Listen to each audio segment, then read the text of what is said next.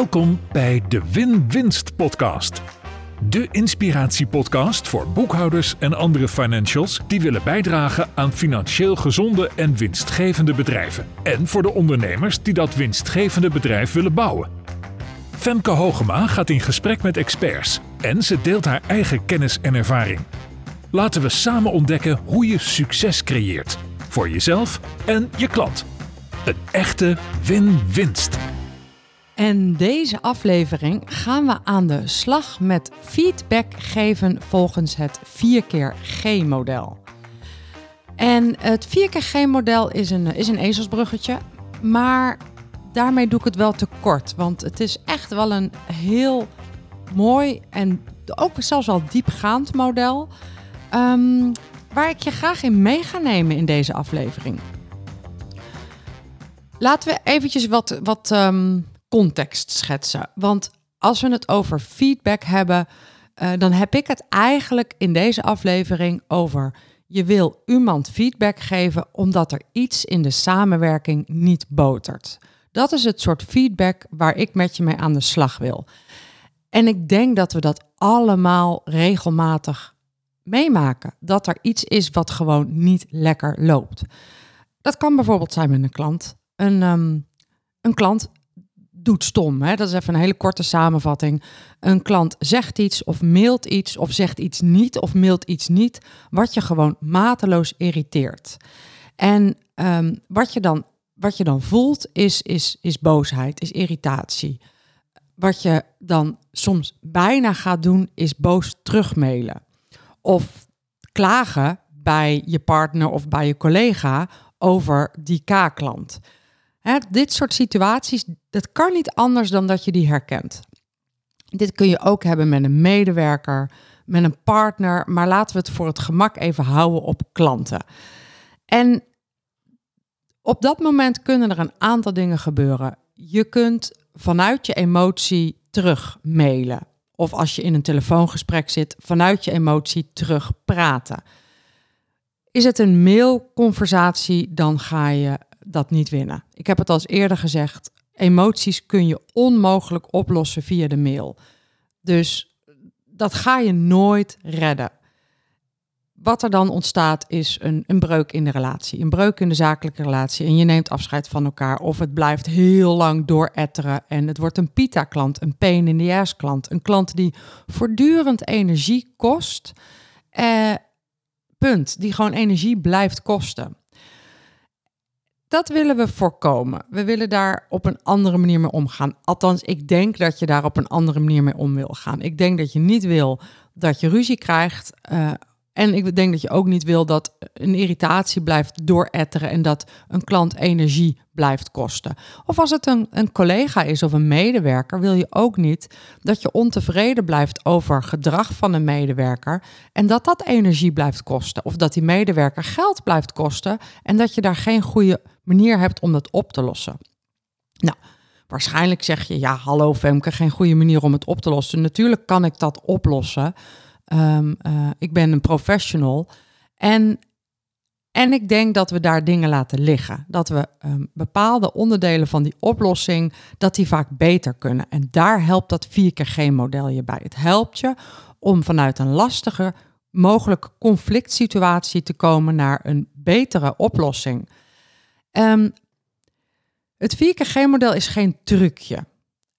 En het is echt een soort ezelsbruggetje. En je kunt het 4G-model gebruiken in je voorbereiding van bijvoorbeeld een moeilijk gesprek. Heel soms in de voorbereiding van een e-mail. Maar je kunt het ook gebruiken tijdens een gesprek. Nou, laat ik je eerst even vertellen waar die 4G's uit bestaan. Ik heb het trouwens ook beschreven in het boek De Winstadviseur, de nieuwe rol van boekhouders en accountants, mijn tweede boek. Um, daar heb ik het ook in beschreven in uh, hoofdstuk 10, communicatievaardigheden voor specifieke uitdagingen. Uh, dus dat pak ik er soms even bij. Nou, het zijn vier G's. De eerste G staat voor gedrag of gebeurtenis. Tweede G staat voor gevoel. Derde G staat voor gevolg. En de vierde G staat voor gewenst. Dit zijn de vier onderdelen die eigenlijk terug moeten komen in je feedback. En de volgorde kan, kan nog wel eens wisselen. Soms heb je maar drie G's nodig hè, en soms vier. Ehm, maar ik neem het even met je door. Wat heel belangrijk is aan het 4 keer G-model, is dat je de emotie en de feiten uit elkaar trekt. Een groot probleem bij conflict situaties is dat emoties en feiten één geheel worden. En uh, nou, een heel simpel voorbeeldje. Um, je partner die uh, ruimt het aanrecht niet op en zet daar al alle afwas neer. En als je, als je dat een tijdje laat gebeuren, en dat tijdje kan een dag zijn, voor sommige mensen is dat vijf jaar, maar je laat dat een tijdje gebeuren, dan komt er een moment waarop je boos wordt, waarop je denkt, ben ik hier soms de schoonmaakhulp of zo? Of um, ben ik je moeder? Dat soort gedachten. Dan voel je dat de emotie komt. Uh, ik ben je moeder toch zeker niet.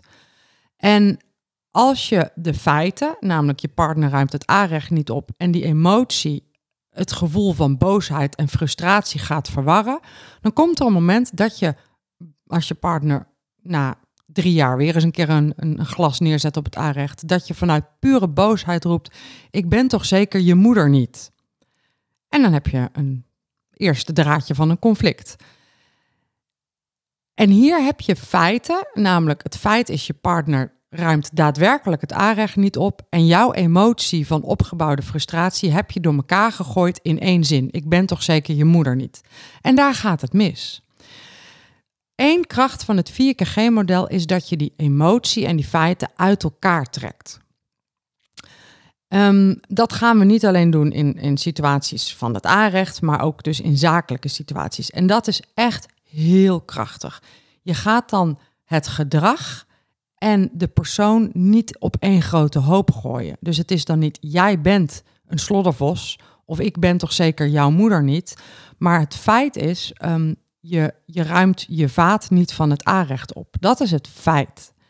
En als je dat kunt benoemen, dan is, het, dan is er niet meer of minder dan een feit. Van goh, lieve schat, hè, dat lieve schat hoeft er niet eens bij. Van goh, je, um, jij zet, jij zet je, je afwas op het aanrecht en je doet het niet in de vaatwasser. Dat is een feit. Daar kan je partner, als je dat enigszins neutraal zegt, alleen maar op reageren door te zeggen uh, ja. Terwijl als jij in pure ellende en boosheid roept, ik ben toch zeker je moeder niet, dan gaat hij waarschijnlijk terug boos reageren van, uh, uh, uh, wat is dit nou weer voor een achterlijke opmerking? Jij ook altijd met je achterlijke opmerkingen. Nou, je voelt waar dit heen gaat. Dan hebben we het niet eens meer over de vaat. Dan hebben we het ineens heel ergens anders over. En daar gaat het ook vaak mis in zakelijke relaties. Een, uh, een klant levert de, de bonnen bijvoorbeeld, de stukken bijvoorbeeld, altijd te laat op. Dus je, je klant is, is eigenlijk al jaren klant voor jou en je vindt het op zich een, een hele leuke klant. Maar je klant is nooit tijdig met het aanleveren van de stukken.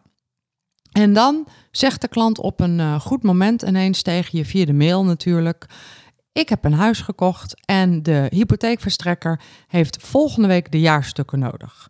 Kun je die aanleveren? En dan voel jij de boosheid en de irritatie bij je wakker worden van: You gotta be kidding me. Volgende week. Jij levert nooit stukken op tijd aan en nu moet ik ineens alles uit mijn handen laten vallen om. En als je vanuit die emotie gaat mailen, dan ga je misschien iets zeggen, of als je gaat bellen, dan ga je misschien iets zeggen, ja, um, um, ja, dit, ja, ik weet niet eens wat je dan gaat zeggen. Dan ga je zeggen van, uh, uh, dan ga je waarschijnlijk gewoon nee zeggen, hè? want je gaat waarschijnlijk niet zeggen van je bent, uh, je bent achterlijk, maar dan ga je waarschijnlijk, dan weet je het niet. Of wat ik, wat ik heel vaak bij klanten zie gebeuren, is dat ze dan die boosheid voelen en toch gaan proberen om die klant te helpen, omdat ze zeggen, ja, uh, hij moet wel echt die stukken hebben voor de hypotheek. Maar dan gaat er iets onderhuids broeien. Dat is denk ik wat je het meeste zult zien daar. Dus als, je, als we het 4KG-model nou eens even op die twee situaties gaan toepassen. De afwas en de, de, de klant die de stukken nooit inlevert, maar wel binnen anderhalve week hypotheek of, of jaarrekening nodig heeft voor de hypotheek. Het eerste wat je kunt doen bij dat 4KG-model is die is dat voorbereiden? Is dat eigenlijk of in je hoofd of de eerste keer, maar eens even opschrijven. Wat zijn nou die verschillende vier G's? Nou, laten we er eens naar kijken. De eerste G is de G van gedrag of gebeurtenis. Hierbij is het mega belangrijk dat je je emoties even parkeert en dat je probeert enkel en alleen naar de feiten te kijken. Dus je, je stelt jezelf de vraag: wat zijn hier nu de feiten? En de feiten zijn dat je klant je de, de jaarstukken nodig heeft. En een ander feit is ook dat de klant achterloopt met de administratie. En een ander feit is ook dat jij al een aantal keer hebt gevraagd om de stukken aan te leveren, maar dat je klant dat niet doet. Dat zijn feiten. Dan gaan we naar de G van gevoel. Het is heel belangrijk om die apart te benoemen, want door die G van gevoel, jouw gevoel, wel degelijk aandacht te geven, zeker in je voorbereiding, maar misschien ook wel in het geven van feedback aan de klant, is dat op het moment dat jij je gevoel onder water stopt, niet erkent, het is alsof je een bal probeert onder water te duwen. En je, hè, probeer het maar eens om een voetbal onder water te duwen. Hoe dieper je duwt, hoe harder die voetbal gaat terugduwen. En als je hem dan loslaat, dan ontploft hij als een explosie boven het water uit. Dat is ook als jij jouw emoties niet de ruimte geeft. Dus je emotie in ieder geval ten opzichte van jezelf erkennen is heel belangrijk, want daarmee kan je er in wat in ontspannen. Dus dan zeg je, ja, ik merk dat ik hier boos van word. Ik word er gewoon boos van dat ik word geacht om nu ineens op te komen draven, terwijl mijn klant nooit op tijd is. Of ik word er boos van dat mijn partner uh, niet zijn spullen opruimt, want nou moet ik het steeds doen. En ik voel me nou een slot, ik voel me nu een, een sloofje. En probeer dat gevoel ook zo specifiek mogelijk te maken. Is het boosheid of is het frustratie of is het wanhoop? Wat, wat is mijn emotie? Gevolg. De derde G is die van gevolg. Wat is het gevolg van, het, van de feiten? Dus wat is het gevolg van het gedrag van de klant? Nou, het gevolg is dat de boekhouding niet is bijgewerkt en dat jij dus nu, als jij van plan bent om je klant te gaan helpen, ineens andere dingen moet laten liggen, of over moet werken, of laat moet werken, of s'avonds moet werken, om je klant te kunnen helpen. Dat is het gevolg van de feiten, van het feit dat je klant nu iets nodig heeft en achterloopt met zijn administratie. Het is heel belangrijk om dat helder te hebben. En de vierde G is die van gewenst. Wat wil je van de klant? Welk ander gedrag wil je van de klant? Ehm, in dit geval kan, kan het ook nog zo zijn dat je, als je die eerste drie G's helder hebt, wat zijn de feiten, wat is mijn gevoel erbij en wat is het gevolg, dat die laatste G van gewenst een beetje komt te vervallen, maar het gevolg kan ook zijn, het kan dus niet. Dat kan het gevolg zijn. Maar dan heb je dat voor jezelf mooi uiteengesplitst in wat zijn de feiten, gedrag, gebeurtenis, wat is mijn gevoel, maar wat is ook het gevolg van hiervan? En dan kun je dat veel zuiverder communiceren aan de klant. Dan kun je de klant opbellen. Heel soms doe je dit via de mail, maar ik zeg eigenlijk altijd emoties managen niet via de mail. Dus bel je klant op en zeg letterlijk tegen je klant deze dit heb je voorbereid. Dus dit kun je letterlijk zo tegen je klant zeggen. En zeg tegen je klant, ik ontving je mail en je vraagt, uh, je gaat een huis kopen. Gefeliciteerd met de aanschaf van je huis. Dat is al heel goed, hè? Dan begin je positief. Uh, dat kan omdat je je emoties hebt erkend en die kun je even parkeren. Dus gefeliciteerd met de aanschaf van je huis. En je hebt eigenlijk binnen nu een anderhalve week van mij de jaarcijfers nodig. Wat misschien goed is om ook even te benoemen, is dat jouw boekhouding op dit moment niet is bijgewerkt, omdat jij niet tijdig de stukken aanlevert. En ik heb, we hebben dat al eerder besproken, ik heb dat al een aantal keer aan je gevraagd, maar je boekhouding is nu niet bijgewerkt. En dan hoor je dat dit een heel zuivere weergave is van de feiten. Ik zeg niet, uh, ik, heb het, ik heb het steeds aan je gevraagd, ik heb het honderd keer aan je gevraagd. Heel feitelijk, heb, ik heb het een aantal keer aan je gevraagd. Maar hij is niet bijgewerkt. Je bent niet bij met het aanleveren van de stukken. En dan kom je bij de derde G, gevolg. En dan zeg je, dat betekent dat het voor mij niet haalbaar is om binnen nu een anderhalve week jaarstukken op te leveren. En dan leg je de bal eigenlijk weer terug bij de klant. Nu kun je zeggen, ja, maar dat kan natuurlijk niet, want ja, mijn klant gaat een huis kopen. En dan moet je jezelf even de vraag stellen, kan het echt niet? Of kan het wel degelijk en is dit dus de verantwoordelijkheid van je klant. Maar als jij echt voelt ten diepste, ja, maar dit is ook niet wat ik wil. Ik wil mijn klant wel helpen. Dan kan dat. Dan kun je zeggen, en dan kom je toch bij de vierde G. Het gevolg is, uh, of het effect hiervan is, of dat betekent, je hoeft het woord gevolg natuurlijk niet te melden. Je kunt bijvoorbeeld zeggen, ja, dat betekent dat ik uh, een aantal avonden zal moeten werken om het toch voor je voor elkaar te krijgen. Maar het betekent ook dat jij uiterlijk morgenochtend om acht uur alle stukken moet aanleveren die ik aan je heb gevraagd. Dus zo kun je heel concreet, heel feitelijk, heel helder zijn in wat je nu verwacht van de klant en wat jij dan kunt doen. Het gevolg kan ook zijn dat als je drie avonden moet overwerken, dat je dat doet tegen een tarief van 150% En op deze manier kun je iets wat in de basis een enorme frustratie kan worden, een enorme, uh, enorme bron kan zijn van, van uh, ruzie, van een pita-klant, van afscheid nemen van elkaar, van een echtscheiding, kun je ombuigen naar een heel goed zakelijk gesprek. Laten we heel even het voorbeeld van de afwas erbij pakken. Dat is altijd moeilijker hè? in een privésituatie. Um, uh, ja, een privésituatie is nu eenmaal geen zakelijke situatie. Maar als dit is wat er gebeurt, en het kunnen ook sokken zijn, het kan iets heel anders zijn, dan is het goed om dit ook even in je hoofd voor te bereiden. Van hé, hey, wat, wat is nu het feit? Het feit is dat mijn partner de vaat niet in de vaatwasser zet, maar op het aanrecht.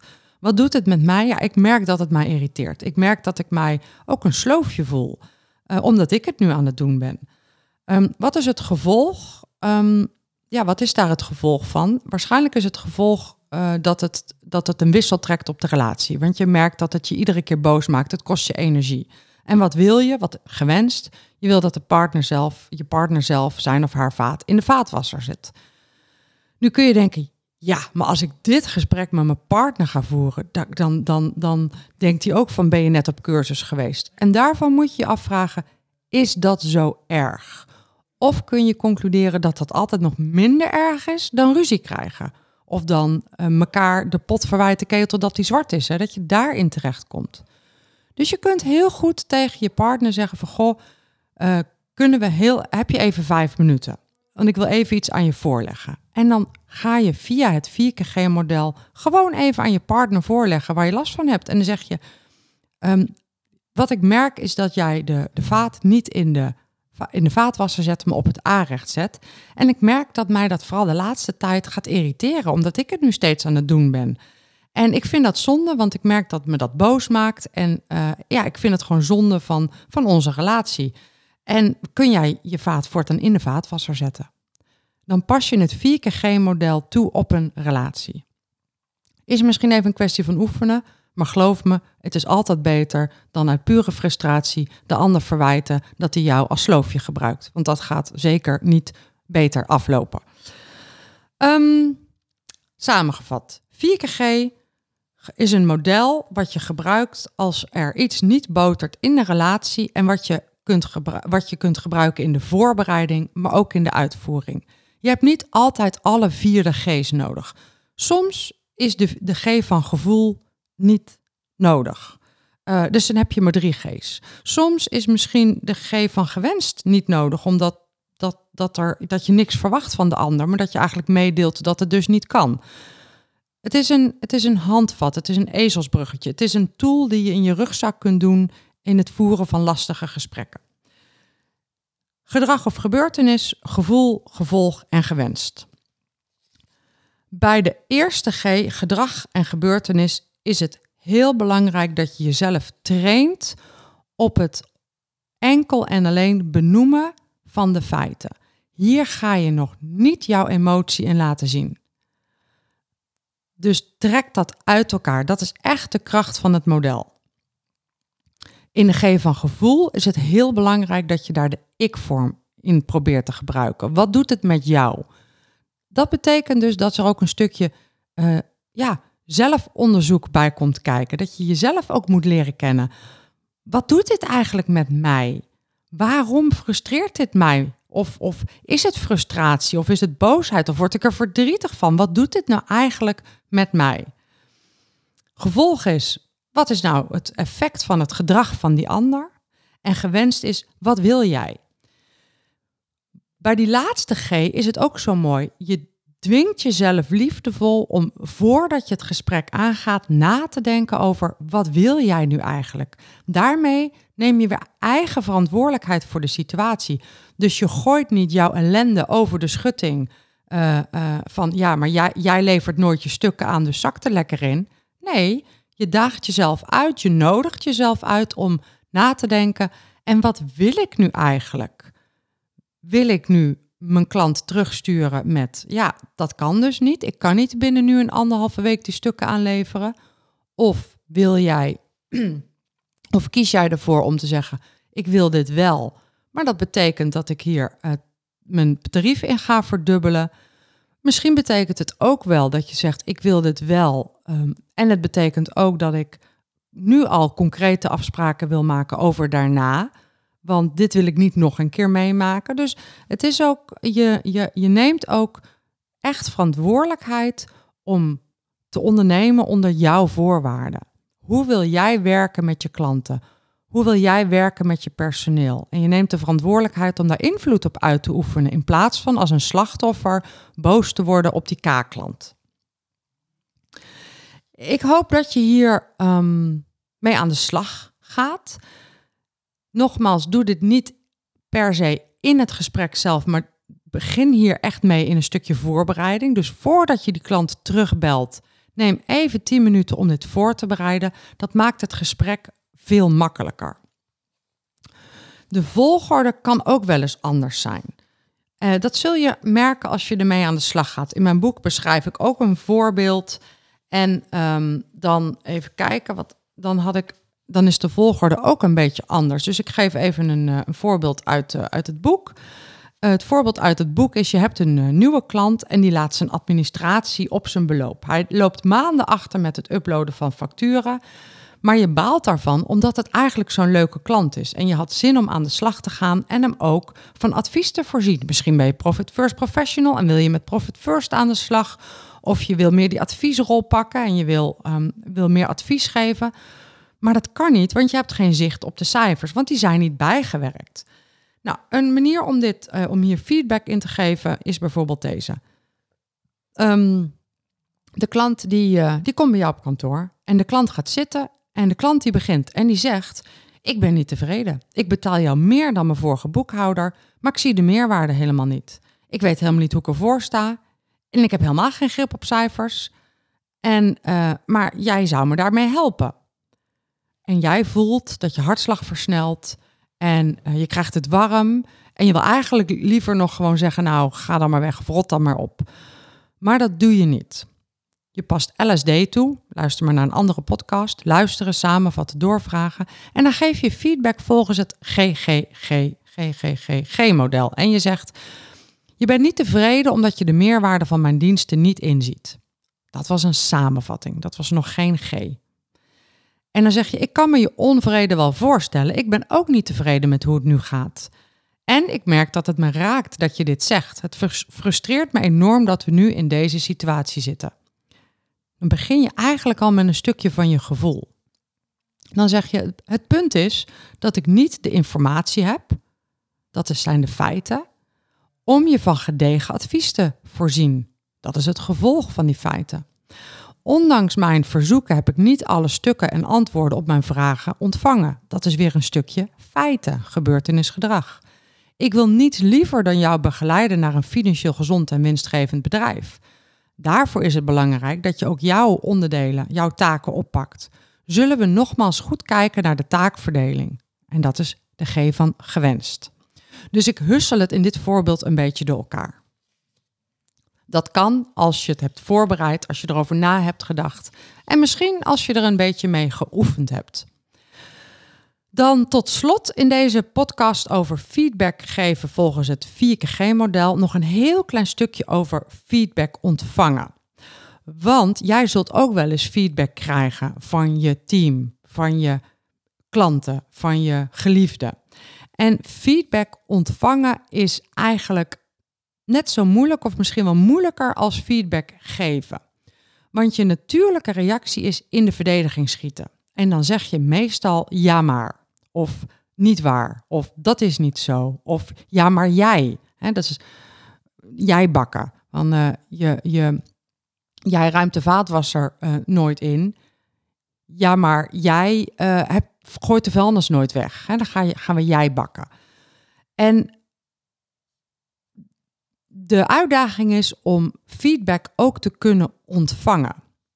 En de eerste, een eerste tip om feedback goed te kunnen ontvangen is om te kijken of je echt kunt luisteren naar wat de ander zegt. Als de ander emotie heeft in zijn feedback, omdat die ander het 4G-model niet zo goed toepast, is dat natuurlijk veel moeilijker, want jij wordt wellicht beschuldigd. Dan is het aan jou om te kijken, kan ik nou horen wat die ander bedoelt te zeggen? Dus als jij een beschuldiging op je krijgt van, uh, ja, maar jij ook altijd puntje, puntje, puntje, kun je dan horen dat die ander zegt van, goh, bijvoorbeeld dat je dan teruggeeft, oh ja, oké, begrijp ik het goed dat je, uh, dat je er last van hebt dat ik de vaatwasser niet inruim? En dan ben je meteen weer in gesprek, want dan voelt die ander zich gehoord. Dus luisteren, maar ook een, vraag stellen. Vraag eens om toelichting of om wat er echt speelt. Je kunt bijvoorbeeld vragen van, goh, maar uh, waar, komt waar komt het ineens vandaan? Want ik heb mijn gedrag de laatste jaren niet echt veranderd. Of um, uh, wil jij dan dat de vaatwasser altijd wordt ingeruimd? Ik, ik, ik, was, ik doe dat altijd s'avonds, weet je wel. Hè, dat je even vraagt om toelichting. En dan is het belangrijk om je af te vragen: is deze feedback, moet ik hier iets mee doen? Of doe ik hier niks mee? Maar dat wil nog niet zeggen dat je dat die ander moet inpeperen, dat je er niks mee doet. Dus stel dat iemand tegen jou zegt: Ik krijg wel eens ongevraagd feedback als ik een keynote geef. Dan uh, laatst kwam er iemand naar me toe en die zei: Ja, zei hij, uh, jij spreekt niet volledig ABN. En ik miste ook uh, de, de agenda. Je, je begon je verhaal niet met me te vertellen hoe lang het duurde. En hij had een heel lijstje met feedbackpunten. En zo kwamen er nog een aantal dingen. En dan, toen was het aan mij om dat te horen. Dus daar, ik gaf er een korte samenvatting in van goh, je, als ik het goed begrijp, miste je een stuk structuur in mijn verhaal. Dat ABN ben ik volgens mij verder niet meer op ingegaan. En toen zei hij, ja, ik, uh, ik, uh, ja, er hoort gewoon een eh, structuur te zitten in een keynote. En die zat er bij jou helemaal niet in. En dan is het aan mij om daar wat, wel of niet wat mee te doen. Maar daar hoef ik die ander niet per se mee te belasten. Dus ik besloot op dat moment daar niets mee te doen. Want ik heb mijn stijl van keynotes geven. En uh, die wordt eigenlijk heel goed ontvangen. Dus als ik dan één op de honderd keer te horen krijg dat mijn structuur niet klopt, dan, dan is dat oké. Dan laat ik dat bij die ander. En dan zeg ik gewoon alleen maar: dank je wel voor je feedback. En dan laat ik het daarbij. Dan ga ik dus niet zeggen: wie ben jij nou dat jij beter weet dan ik hoe je een keynote moet geven? Waarom zou ik dat doen? Dus feedback ontvangen is horen wat de ander zegt. Dat laten blijken door een samenvatting te geven, eventueel een verdiepingsvraag te stellen. En dan voor jezelf te beslissen: moet ik hier iets mee of moet ik hier niets mee? En als ik er niets mee hoef, kan ik volstaan met te zeggen: dankjewel voor je feedback. Punt. En daarmee kan de kous dan af zijn. Um, deze aflevering ging over het 4 keer G-model en het geven van feedback in lastige situaties. Ik hoop dat ik je hiermee heb geïnspireerd om zelf aan de slag te gaan met lastige situaties. Schrijf het op, denk erover na. Heb je een vraag aan mij hierover? Stel hem me gerust op social media. Dat kan op LinkedIn, Femke Hogema, op Insta, Femke Hogema. Vind ik superleuk, gaan we hierover in gesprek. Heb, je, heb jij een onderwerp waar je graag uh, wil dat ik een podcast over opneem? Laat het me dan zeker weten. Dat mag ook gewoon via een DM. Uh, want dat vind ik heel erg leuk als jullie meedenken over onderwerpen waar je graag een aflevering over wil.